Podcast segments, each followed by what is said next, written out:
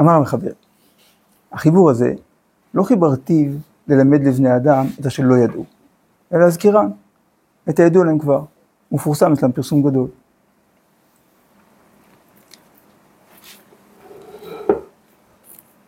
תשעת ישרים, ספר שבונה אנשים, בונה שיעור קומה של אדם. אז אם המשפט הראשון בספר שבונה שיעור קומה של אדם, זה, אתם יודעים הכל, רק באתי להזכיר לכם. אז מה זה מלמד אותנו? שהעבודה של בניין האישיות היא לא עבודה של אה, המצאה, אלא עבודה של גילוי.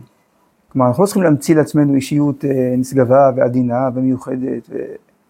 אלא רק לגלות שאנחנו באמת כאלה. שהמהר"ל אומר שאדם מלשון אדמה, האוצרות הכי גדולים, זהב, יהלומים, נפט, נמצאים באדמה, אבל לא על פני השטח, אלא בעומק.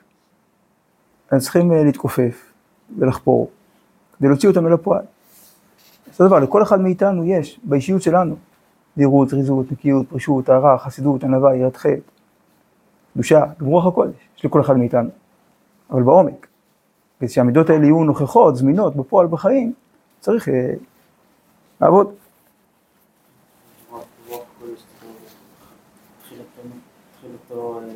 כן, אבל יש לזה כל זה כל הזמן גם. ככה הגרא אומר, שהנשלה, שרוח הקודש יש לכל אחד כל הזמן.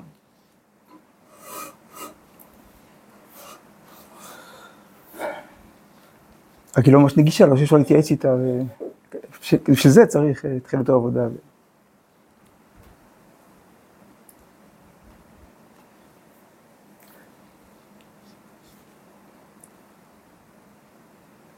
אז למה באמת האתגר הגדול? כי לא, אומר הרמח"ל, כי לא תמצא ברוב דבריי, אלה דברים שרוב בני אדם יודעים אותם. ואם תאמר יודעים, אבל לא בטוחים שזה נכון, אומר הרמח"ל לא, ולא מסתפקים בהם כלל, ברור שזאת האמת. אלא שכרי, כפי רוב פרסומם, ביחס ישר לזה שזה כל כך מפורסם, וכנגד מה שאמיתתם גלויה לכל, או ביחס הפוך לזה שכולם יודעים שזאת האמת, ככה העלם מהם מצוי מאוד. העלם זה התעלמות. מה זה התעלמות? לא שאדם לא ראה, הוא עושה את עצמו כאילו הוא לא ראה, כי לא נוח לו להודות שהוא ראה מה שהוא ראה. כמו שכשהתורה אומרת לא תוכל להתעלם, זה על דברים כאלה. אדם מוצא אבדה, שלא נוח לו להשיב אותה, אה, רואה חמור שונאו רובץ. אומרת התורה לא תוכל להתעלם. אז כאן יש לנו נטייה להתעלם, והשכחה רבה כתוצאה מזה.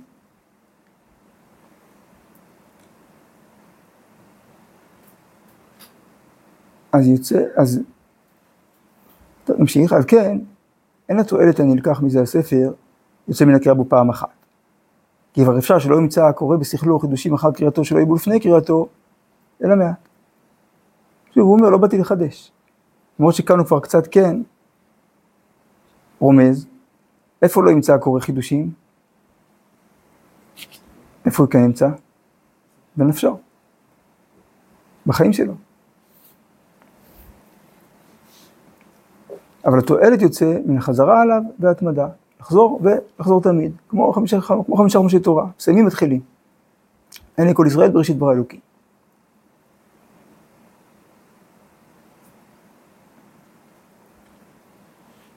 כי אז מה יקרה? אם לומדים סייעת ישרים כמו שצריך, מה קורה? בתור ספר לחיים, כמו שאמרו כל גדולי ישראל, שזה לא עוד ספר אלא ספר לחיים, אז מה קורה? איפה יהיה החידוש? כי יזכרו לו הדברים האלה הנשכחים מבני אדם בטבע. כלומר, יש דברים שהטבע של בני אדם גורם להם לשכוח, אבל מי שלומד מסילת ישרים יזכור. זאת אומרת, זה משפט מהפכני. זאת אומרת שהספר הזה, אם לומדים אותו נכון, הוא מסוגל לשנות טבע של בני אדם. כי מה שהטבע גורם לשכוח, מי שלומד מסילת ישרים יזכור. אז זה ממש הופך טבע של אדם. מה עם הדברים האלה? אלו, אלו דברים, מה עם הדברים שהטבע רוצה שנשכח? או נתחיל מלהפך. מה הטבע דואג לזה שנזכור? מה הטבע לא ייתן לנו לשכוח? איזה דברים? מה שקשור להישרדות. אין מצב שאדם לא נשם דקה ושכח, לא שם לב. או שהוא לא אכל יומיים ולא זכר. הטבע רוצה שנזכור מה שקשור להישרדות. מה לא מעניין את הטבע? משמעות. מעניין את הטבע שנאכל. לא מעניין אותו שנאכל בעדינות, שנאכל כשר, שנדאג, שנדאג שגם לשני יהיה אוכל. כל זה לא מעניין את הטבע, כי הוא רק בהישרדות. והטבע גם לא אוהב דברים מיותרים. אז כל מה שהטבע מקטלג, מסמן בתור מיותר, אז הוא נלחם בו. רואים את זה שאדם יש לו כוחות, עובד כל היום, כמו שהגמרא אומרת, אדם עובד כל היום ולא מתעייף, מגיע ללמוד תורה, מגיע להתפלל, פתאום טח, נהיה לו כבד. כי מבחינת הטבע הולך לעשות דברים מיותרים.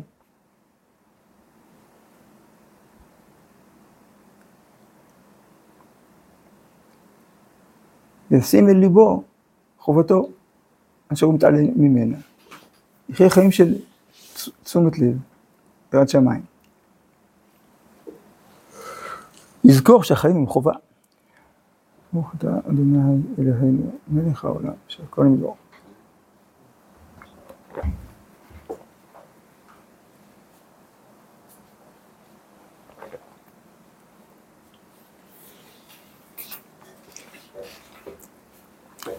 וגם בהמשך. בסוף המקור, המשפט האחרון, ואשר חומריות הטבע משתדל להסיר מליבנו, הקריאה וההסתכלות יעלה על זיכרוננו, ויראינו למצווה עלינו. כלומר, תמצית העבודה המוסרית היא להיות אדם זוכר, לזכור את המשמעות של החיים, לזכור לחיות מתוך חיבור למשמעות האלוקית של החיים.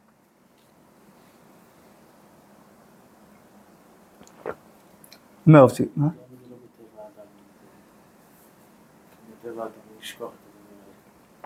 מטבע הגוף. טבע הנשמה הוא כמובן לזכור, טבע הנשמה זה לדבוק בהשם. אבל טבע הגוף, שהוא ראשון, שאותו אנחנו מכירים בתור טבע, לא מעניין אותו ערכים. לא מעניין אותו מידות טובות. טבע, הוא, הוא דחפים.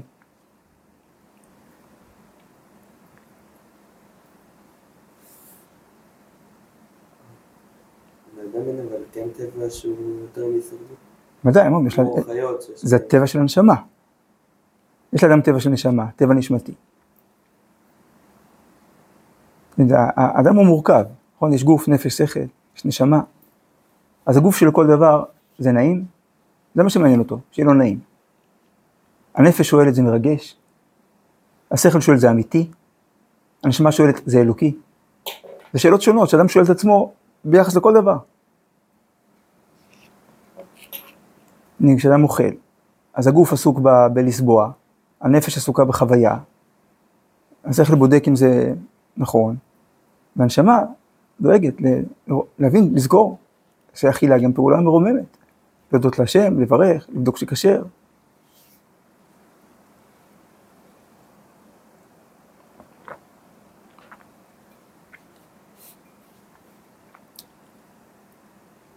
אז לזכור, באמת, לזכור זה לא פרט, לדעת פרטי מידע, אלא להיות מחובר לשורש האלוקי של החיים.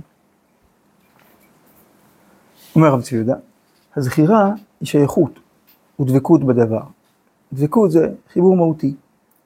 לעומתה, השכחה היא טומאה, כלומר מיעוט חיים. שכחה היא ניתוק ופירוד. המים שמתארים נקראים מים חיים, כמו שהם בטבע האלוקי. ברגע שהם שאובים, אז כבר לפי הכלי.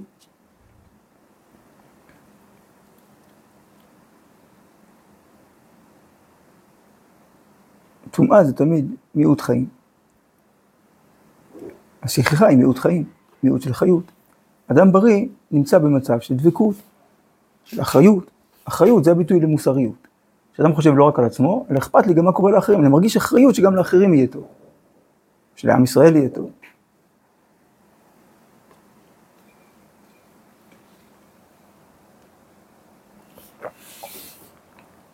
כשיש שלמות, הדברים נמשכים וקיימים. עולם שכולו ארוך, לא פסקי פסקי, לא אוסף של הבלחות, של דחפים, אלא שרשרת שמחוברת לה, מאין באת עד לאן אתה הולך, של, ה, של ההוויה כולה. אז כשיש דבקות, שלמות, הדברים נמשכים וקיימים, לא נשכחים. כלומר, לא נפרדים ולא מנותקים. זהו המובן העמוק של ואתם הדבקים בהשם אלוקיכם, לא נפרדים. לעומת זה, יש פסוק בתהילים שגויים שכחי אלוקים.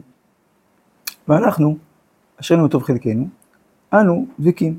כלומר, שייכים ומקושרים. לכן מזכירים בתפילה של מוצאי שבת, ומדובקים ביראתך.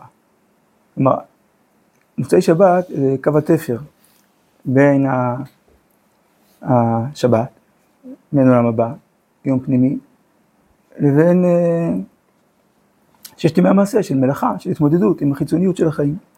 אז בקו התפר, כשיוצאים מהשבת אל למתת מלאכות, מבקשים שהימים לא יהיו אוסף של פרטים, אלא יהיו מדובקים. מה הדבק שלהם? יראתך, בעצם באמצעות.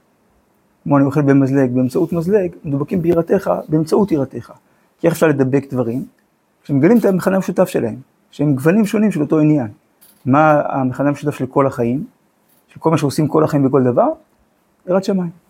היחס למקור החיים. כלומר, כשיש יראת שמיים, החיים מחוברים. כשאין יראת שמיים, הם פירורים פירורים.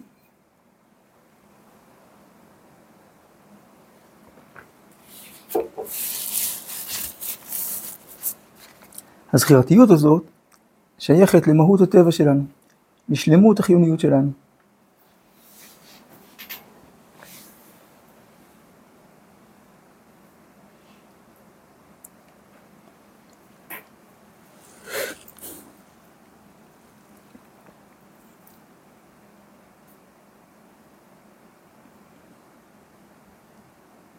קשור למושגים חשובים של חינוך ותרבות. המקור הבא הוא ממאמר שהרב ציודה כתב בגיל 21, 22, שיעור ה', בחוברת שנקראה התרבות הישראלית, שהייתה, שהיה ביטאון של אגודה שנקראה התרבות הישראלית, שאנשי, אנשים בירי שמיים שעסקו בספרות וחינוך.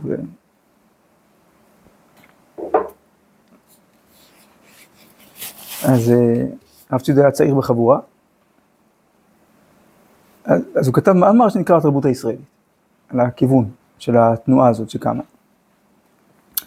כותב הרב ציודה, החינוך של האיש הפרטי, הלא הוא, יש פה הגדרה, מה זה חינוך?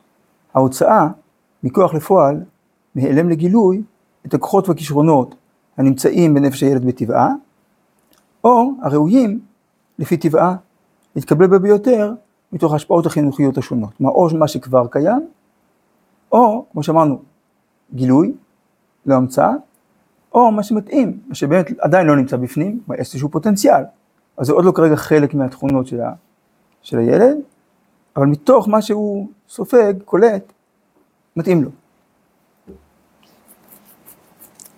כמו שנגיד הורים או מורים טובים מאפשרים לילד בחירה בין הרבה דברים, רואים למה הוא נמשך, ולפי זה יודעים למה לעודד אותו. גם לעודד למה שבאופן טבעי צומח וגם לעזור לו להשלים עוד דברים שכדאי. שיהיה מחובר אליהם. אומר הרב ציודה, כשגורמי החינוך, כלומר ההורים והמורים, הספרות והסביבה של הילד, עכשיו זה גם הרשתות, הטלוויזיה וכולי,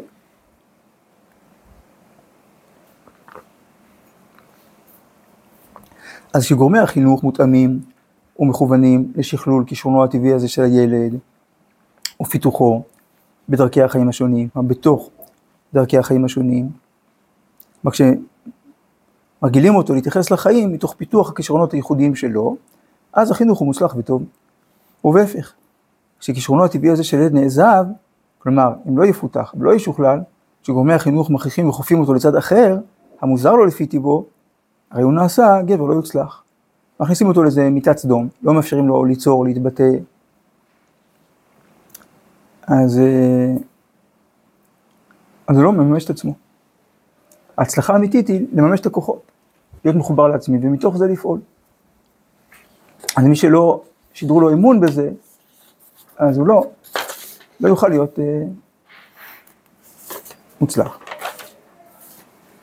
כי הצלחת החינוך, אומר הרב ציודה, היא באותה מידה שהוא עומד על עמדתו הראויה ושומר את תפקידו. במידה שהוא מתכוון כלפי הטבע הפנימי, כאשר בראו האלוקים. כשברא אלוקים את האדם, ישר. הוא מתכוון להשלימו ממה שחסר בו, ולפתחו לשכללו את מה שיש בו, על ידי האמצעים, הגורמים והמסייעים השונים. אז זה חינוך מוצלח, אותו דבר תרבות. ואף התרבות האנושית הכללית כך. שיש כאן הגדרה, מה זה תרבות? המובן הרחב והכולל של החינוך. כלומר, תרבות היא חינוך ציבורי. התפקיד של החינוך בפרט זה התפקיד של התרבות באומה.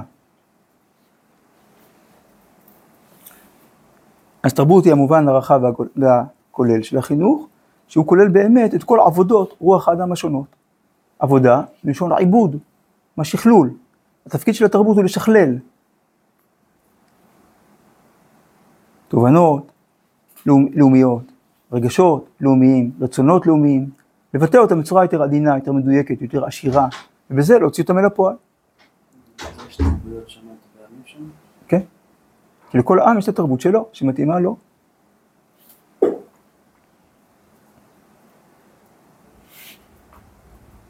אתה רואה שלאדם באשר הוא אדם, יש נטייה למוזיקה, יש נטייה לספרות, יש נטייה ליצור באומנות, אבל אתה רואה שאתה רואה, אתה שומע מוזיקה של המזרח הרחוק, או מוזיקה של דרום אמריקה, או מוזיקה אפריקאית, זה שלושה סגנונות שונים לגמרי. אתה רואה, יש אופי לאומה, והמוזיקה מתאימה לה.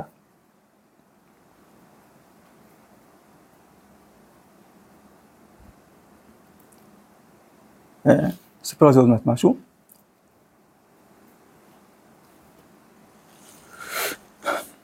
אז גם התרבות, המובן האמיתי שלה הוא הלא הוא כמו כן, השלמת היסודות הטבעיים, גילוים והוצאתם מכוח לפועל מאליהם לגילוי, שכלולם ופיתוחם. וכשהוא זאב את היסודות הטבעיים, אז הוא חוטא לטבע ההוויה, ואחריתו עדי עובד. כלומר, אם עם מתחבר לתרבות שהיא לא שלו, אז זה חטא נגד הטבע, ולחטא נגד הטבע אין סליחה. כמו שאדם, אה, כאילו, אנחנו יודעים, אנחנו רגילים לעולם של תשובה, אפשר לתקן, אבל בטבע אין סליחה. התשובה היא חסד אלוקי. בטבע אין סליחה, אם אדם שם יד באש וקיבל קביעה, זה לא יעזור להגיד, אני מתחרט, אני עוזב, אני מתוודה, אני מקבל את הקביעה, הוא כבר קיבל. אז אם עם מתנתק מהתרבות שלו, הוא ניזוק מיידית. בחרתו עדי עובד. שמעתי מעשה שהיה. המדינה שנקראת היום סין, עד לפני, עד לפני כמה מאות שנים, כמה, היו, היו שם כמה ממלכות שנלחמו זו בזו. ובאחת, היו שתי ממלכות שכנות, שהיו ביניהן אה, מלחמות מאות שנים, ואחת מהן היה חוק שאסור לשמוע את המוזיקה של המדינה היריבה. אבל כנראה שהייתה הייתה מוזיקה יפה, וכן, לא סתם היה צריך חוק. אבל אז אנשים כזה לחצו מלמטה, רצו כן לשמוע, ליהנות. והיה אחד המלכים, ליברלי, מכיל, סובלני, או פשרן, ותרן, והוא פרץ את הגדר, הוא אפשר לשמוע מוזיקה של המדינה היריבה, אחרי כמה שנים הם כבשו אותם, אותה מדינה, שהתחילו לשמוע את המוזיקה שלה. למה? כי אתה לא יכול ללחם ברבק עם כל הלב ממישהו שאתה כל כך נהנה ממנו. אם אתה מושפע ממנו, רגשית, נפשית, בעומק, אתה לא יכול עד הסוף להיות נגדו.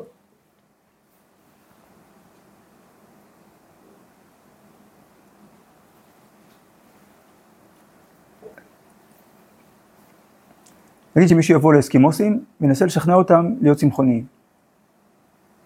מה, יגידו? שהוא פושע, שהוא אויב, הוא אויב של האומה. נניח שהוא יצליח, מה יאכלו? אי אפשר לגדל על השלג צמחים.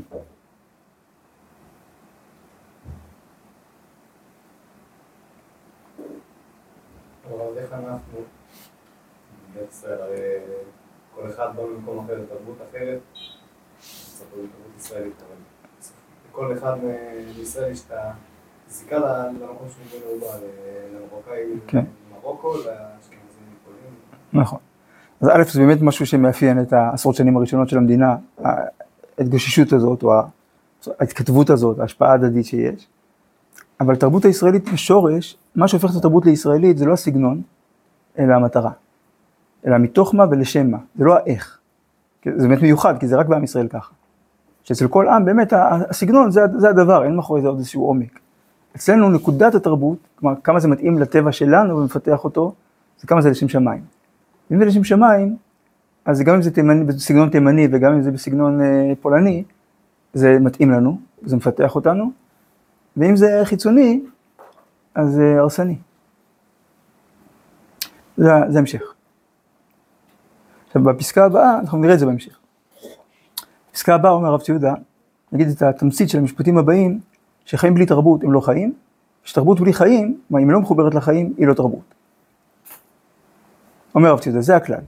כשם שכל עיקר ערכם ומובנם של החיים, בכללם ובכל פרטיהם, ולפי מעלת התקדמות התרבות בתוכם, כלומר, איך אתה מבטא, איך אתה יודע אם החיים הם חיים שווים, חיים עמוקים, או חיים בסיסיים, גולמיים, בוסריים?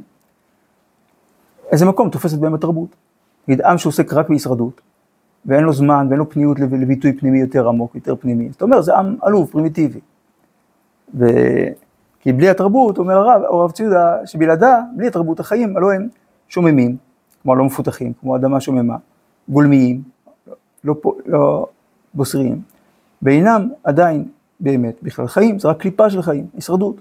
אז כמו שחיים בלי תרבות הם לא באמת חיים, כך כל עיקר ערכה ומובנה של התרבות, לכל חלקיה ומקצועותיה, הוא חשוב רק לפי ערך הידבקה, התכוונותה והתאמתה לטבע עצם החיים. כי התרבות היא לא עצם החיים, היא ביטוי. אז אם היא מתאימה לטבע עצם החיים, אז, אה, אז היא תרבות מתאים, היא תרבות ראויה.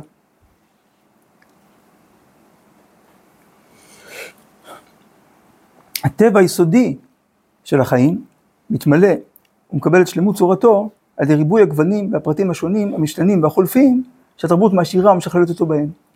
זה כמו בגוף האדם, שה-DNA הוא אותו DNA, תמיד, ברגע שאדם נוצר עד יומו האחרון, אבל, אה, אבל יש חילוף חומרים.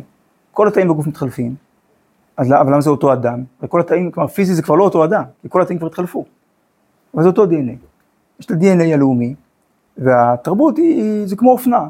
זה, יש כאלה גלים, שזה עולה, יורד, מתחלף. כמו בגדים. אז הטבע היסודי מתעשר, ככל שהתרבות יותר, נגיד, אדם יש לו הרבה בגדים, יכול להחליף יותר, להתאים יותר. אז הוא, ההופעה שלו עשירה יותר. והתרבות מתקיימת וצולחת במה שבכל, כלומר בתוך כל רוב עושר, שינוי, שינויי הגוונים. וחליפות הצורות אשר לה, היא קשורה בתוך כולם אל היסוד האחד, הטבעי, הפנימי, הקיים בכל השינויים והחליפות האלה, ונותן להן את קיומם ומהלכם הבריא והרצוי. ואליו מכוונת, מה אליו, אל היסוד האחד הטבעי הפנימי הקיים, אליו היא התרבות, מכוונת, מותאמת ודבקה, כי זוהי עבודת האדם, מלכתחילה, בגן עדן. כתוב שהשם שם את האדם בגן עדן, למה? לעובדה ולשומרה. לעובדה מלשון עיבוד, להיות יצירתי, לפתח, לשכלל, אבל, וגם לשמור, כלומר לשים גבולות, לדייק.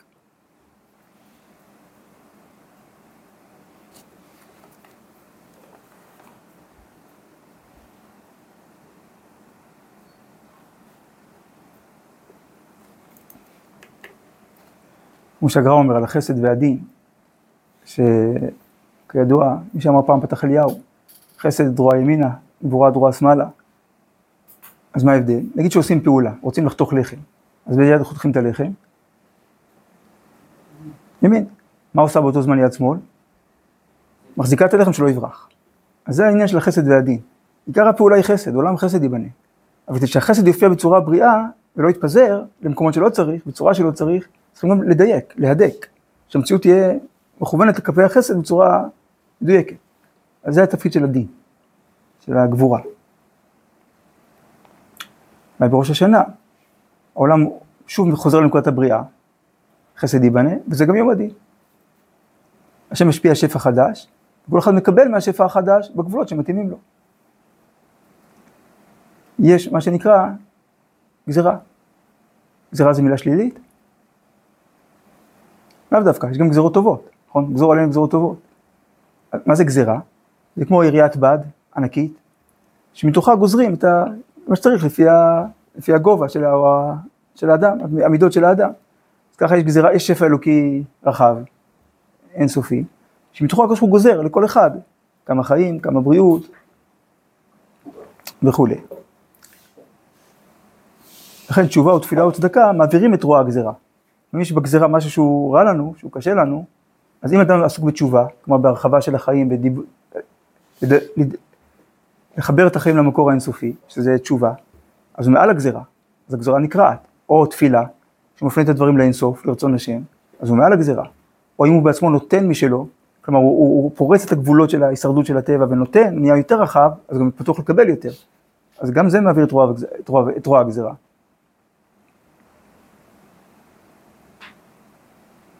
טוב, זה לעובדה ולשומרה. הקולטורה האנושית, קולטורה זה תרבות,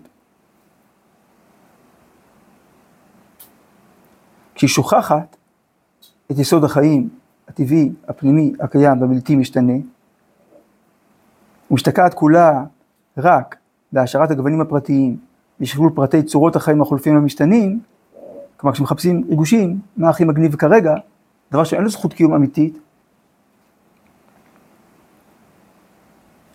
אבל בלא התייחסותם אל המקוריות, הכלליות והנצחיות, הרי מצעידה את האדם לבלהות, ומשאיבתו עד דקה. אבל איזה כבר לתרבות אה, שורשית יש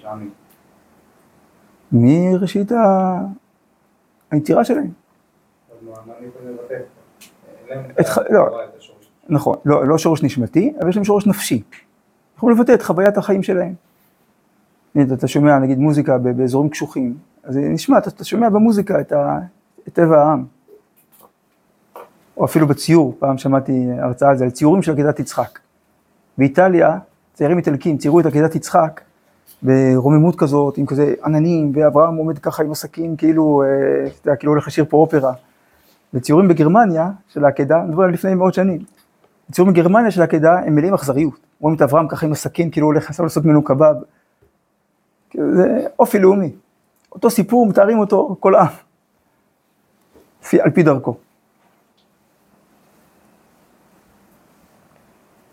יש להם נפש, נפש לאומי. אז שהם כן... מה? אז איך מתבטאים הדברים שהם כן אה, חולפים ולא... לא, אז אתה רואה, גם באותן תרבויות, התרבות של היום היא לא התרבות של לפני 200 שנה. זה, משתנה עם השנים, אבל יש איזה מוטיב מרכזי ש, שהוא, שהוא הכיוון שלהם. אז אם הם נאמנים לו, אז, אה, אז, אז אה, אתה רואה שה- שהתרבות שם היא מצליחה. היום זה יותר קשה, כי בעידן התקשורת, הרדיו, הטלוויזיה, ואחרי זה האינטרנט, בפרט שתרבות אמריקאית משתלטת על הכל, אז כבר אתה, קשה להבחין לתרבות המק- המקורית. אבל אם אתה, לכן היום יש לפעמים געגועים, אתה עושה פסטיבל של תרבות אתנית, מקורית, ו... איך זה היה לפני 200 שנה, לפני, ה... לפני שהכל התערבב, לפני גוג ומגוג.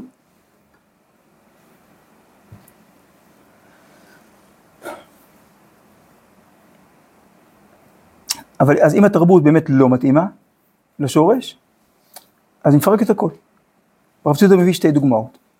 זו, זוהי הקולטורה האנושית, כלומר התרבות האנושית בדמות, דוגמה אחת, האליליות של האנושיות העתיקה מעבר מזה, שאנשים מה שחיפשו את הדבר הכי מגניב, הכי מרגש, הכי עוצמתי, שב, שזה שלושה דברים, עבודה, תמצית, עבודה זרה, גילוי עריות ושפיכות דמים. הדברים הכי מרגשים, כזה אטרף דתי, אמוני, כן, ואטרף של מין ושל אלימות. זה הכי חזק. אז תרבות שמחפשת לא עדינות ודיוק ועומק והקשבה, אלא מה הכי מגניב, מה הכי חזק, מה הכי עוצמתי כרגע, אז לשם היא מידרדרת. זו דוגמה אחת. דוגמה שנייה, והניהיליות זה מה שנקרא ניהיליזם. ניהיל זה אפס בלטינית, אז ניהיליות זה, זה איפוס של כל העולם. כלומר, או במילים של היום, כל אחד והאמת שלו. אף אחד לא יודע מה האמת. חייבת אין לחיות. אז אם אין כיוון, אין חזון, לא מאמינים באמת, אז הכל באמת נהיה מפורק. למה? כי כששום דבר לא ברור, רק דבר אחד נשאר ברור, מה נעים לי כרגע. ואז כל מה שמעניין זה נעימות, ואגוצנטריות, ועכשוויות. תחיה כאילו אין מחר. כאילו זה השיא. תרע"ג, 1913 למניינם, קצת לפני מלחמת העולם הראשונה. חכם עדיף מנביא. כי, כי אז היו רק ניצוצות ראשונים של זה. ואחרי מלחמת העולם הראשונה זה באמת מאוד מאוד התגבר, ואחרי מלחמת העולם השנייה עוד יותר. עם כזה ייאוש מהתרבות, מהביטוי, מהחזון.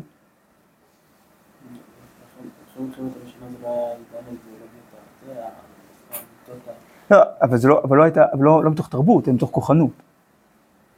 לא, תרבות אמיתית של האנושות מתקדמת כביטוי אה, עמוק, אלא יותר השתמשו בזה בצורה צינית. מנהיגים שתלטנים, כאילו חיברו את העם כאילו לתרבות שלו כדי להשיג, אה, כדי, כדי לגרום לאנשים להתגייס ולמות.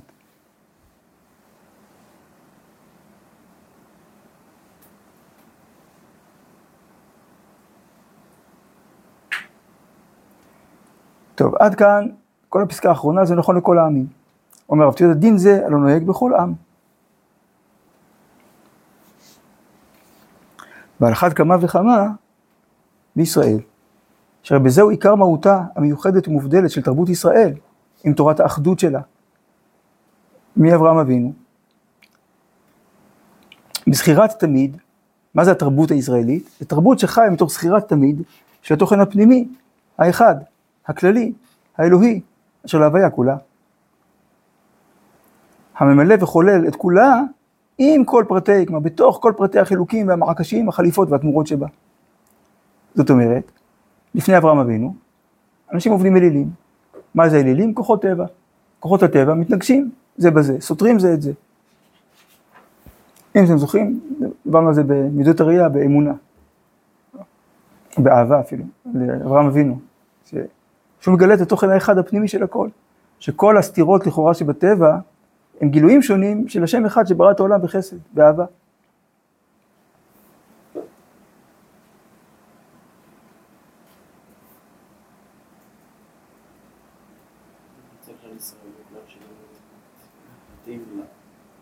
כן?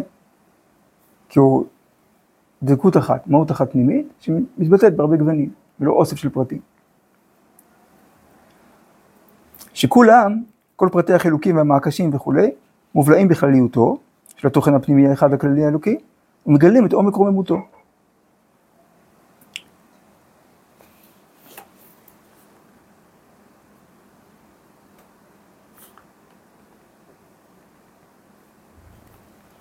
ובשימת דרכי החיים כולם ואורחותיהם על פי, על פיהו. מה זה שימת? כל השם אורחותיו, מלשון שומה, הערכה. כל השם אורחותיו בעולם הזה זוכה ורואה בשעתו של הקדוש ברוך הוא, לא יזכה ויראה לעתיד לבוא, אלא זוכה ורואה, בהווה. ידוע גם לתור, לתורות התרבות האחרות של האנושיות, כי יש הרבה, למעלה ולמטה.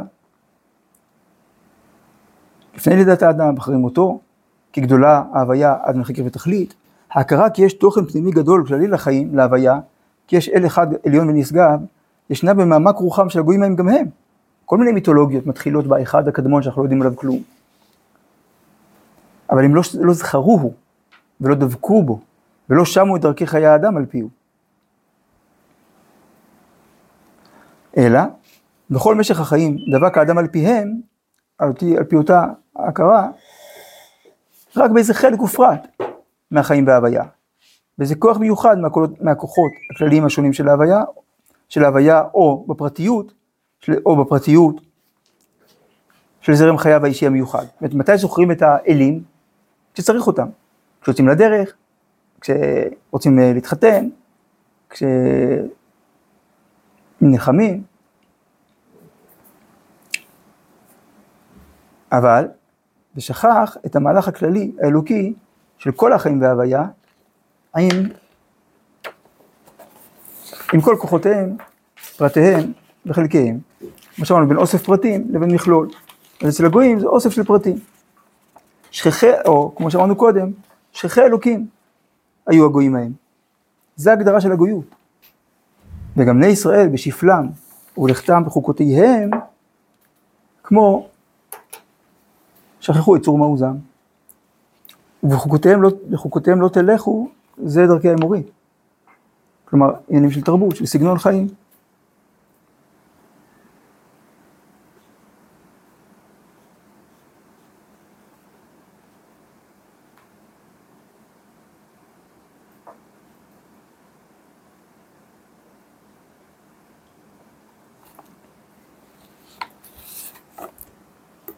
והשקפת האחדות של התרבות הישראלית גם היא לא כפרה בהמון הריבועים והסתירות אשר בהוויה, ולא העלימה את עיני ימין, אנחנו לא נאיביים ולא מתייפייפים, אנחנו יודעים שיש בהוויה התנגשויות וסתירות. לא טרחו עיני המראות את כל הטבע, עם כל העובר והחולף שבו, עם כל המשתנה המתחדש והמתהווה בו, עם כל התרוצצות והמלחמה התדירית שבם. אבל המלחמה פה היא במרכאות, כי ככה זה נראה. ולא נעלם ממנה מתוך כך, כלומר מתוך התפיסה האחדותית, כל ערכם הרב של כוחות הטבע השונים, כוחות הגבורה, כוחות היופי, כוחות המוסר וכולי. אלא שבכל זאת, כלומר בתוך כל אלה, ידעה והורתה, השם אלוקינו, השם אחד. הפסוקים של מלכויות, כתוב, אמרו לפניי מלכויות, כדי שתמלכוני עליכם. אז יש עשרה פסוקים, בפועל זה יותר מעשרה, אבל יש את העשרה פסוקים של מלכויות, שהם תהליך קבלת עול מלכות שמיים. אז, אז מתי מסתיימת קבלת עול מלכות שמיים? בפסוק האחרון. מה הפסוק האחרון במלכויות? שמע ישראל. מה המילה האחרונה? שהיא החותם של קבלת עול מלכות שמיים? אחד. מלך זה אחד. שרים בממשלה יש הרבה, מלך יש אחד. מלך זה כולי שלך. זה קבלת מלכות שמיים, כלומר לדבוק בתפיסת האחדות, בתפיסה האחדותית הישראלית, זה קבלת מלכות שמיים. התרבות הישראלית היא תרבות של קבלת מלכות שמיים, שמכירה באחדות האלוקית, ודבקה בה בתוך כל הקרעים, קטעים, פירודים של החיים. כי השם אלוקינו, השם אחד. אתה הוא עד שלא נברא העולם, אתה הוא מי שנברא העולם, אתה בעולם הזה ואתה בעולם הבא.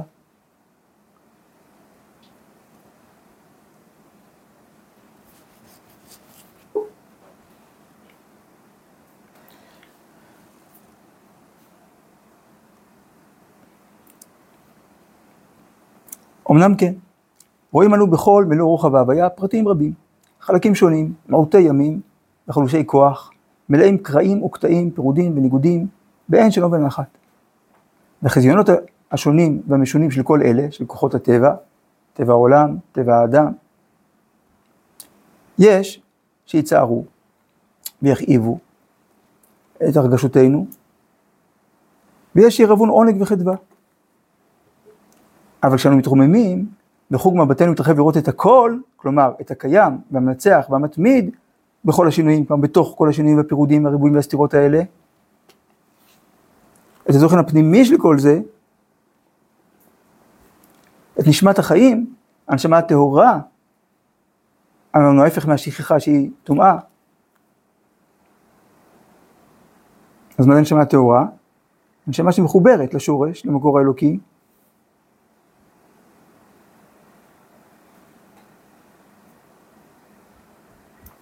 את ההיקפיות והכלליות, ועם זה את הפנימיות, הנצחיות והאינסופיות של כל אלה, אז הרינו באים אל הכרת החיים וההוויה האמיתית והברה של קדושת האחדות המקפת וממלאה את כל אלה.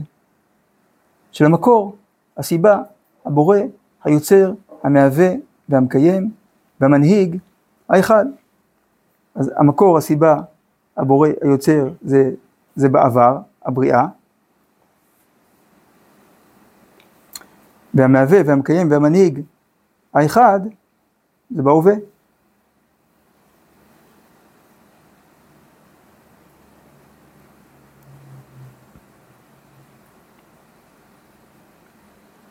שלוש עשרה עיקרי אמונה, אני מאמין הראשון, אני מאמין באמונה שלמה שבורא יתברך שמו הוא בורא ומנהיג לכל הברואים. הוא בורא ומנהיג, הכל בא ממנו והוא מנהל את הכל.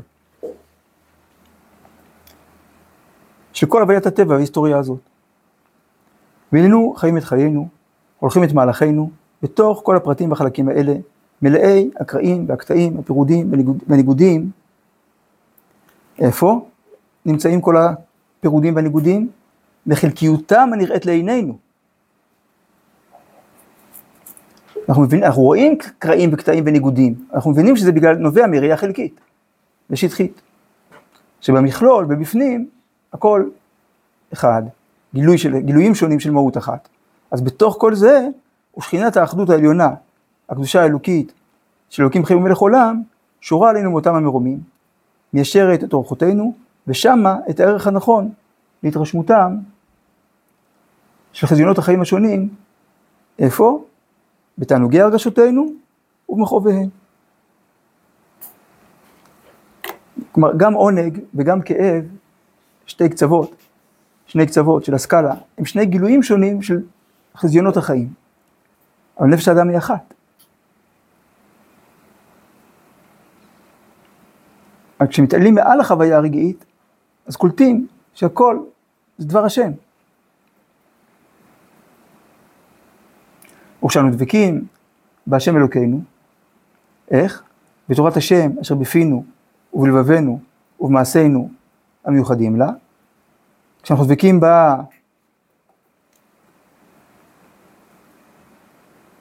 בכל מלוא חיינו, האישיים, הציבוריים והלאומיים, אז חיים, כלומר מחוברים, אנו, כולנו היום.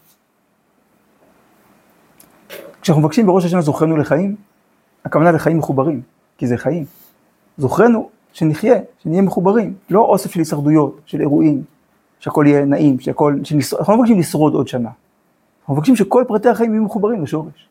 לכן זה קבלת, זה, זה קבלת המלכות שמיים.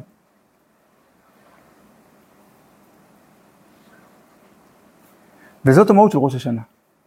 בתורה לא נמצא צירוף אבלים ראש השנה. אלא מה שכתוב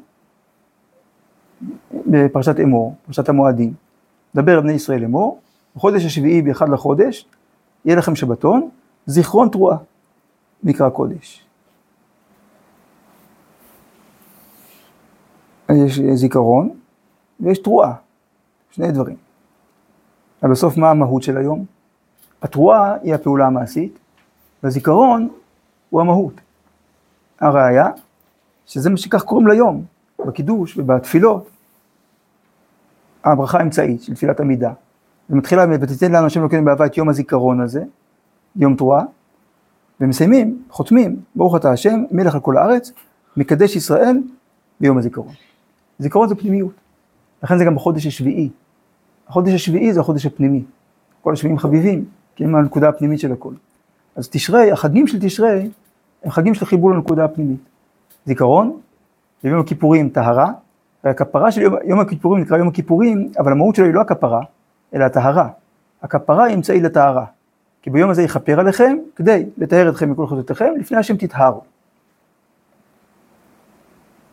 וסוכות זמן שמחתנו. שמחה אמיתית היא גם שמחה שבאה מבפנים, היא מבטאת חיבור עמוק לפנימיות, לחיות הפנימית של, של, של שורש החיים.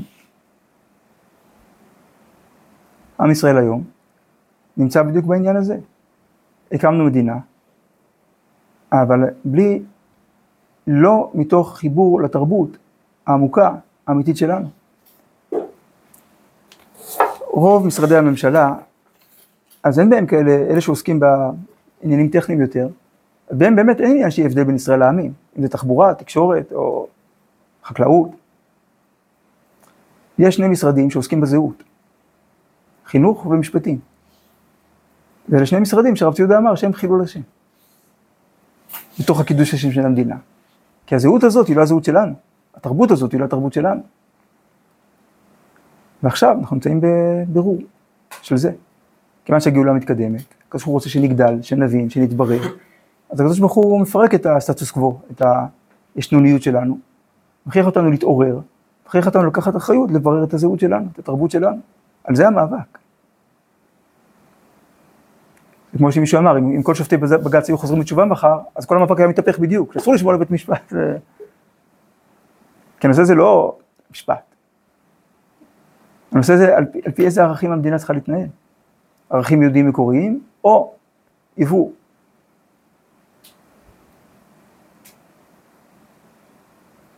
של גויים.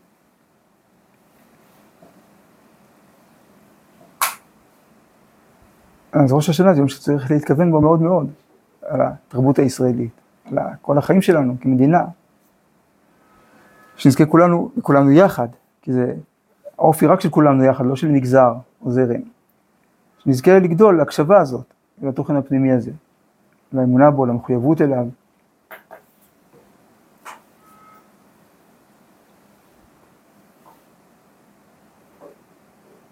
עוד uh, הצעה פרקטית, כיוון שזה מאוד קשור לגדילה הזאת והטלטלות שיש. מאוד מאוד צריך לבקש, לבקש לשלום בעם ישראל. אז uh, שכל יבוא מתוך שלום. אז חשבתי שבסוף הקדיש, הרבה פעמים כבר מדפדפים קדימה, גם במחזור וגם בראש, כאילו לדבר הבא, ולא באמת אה, מקשיבים. זה הבקשות הכי חשובות לעניין הזה. יש לאמר רבה משמעיה עלינו וכל ישראל, עושה שלום מברומה ויעשה שלום עלינו וכל ישראל. אז לכוון בכל מילה ולהגיד אמן בכוונה. ולהתכוון לזה שיהיה שלום באומה, בתהליכי הגדילה שלנו, בעזרת השם. אז נדע שעשינו משהו, השתדלות בראש השנה, לבנות כלי של שלום לכל המשך הגאולה. בעזרת השם, שתהיה כתיבה וחתימה טובה, שנה טובה ומתוקה, תוך כל ישראל.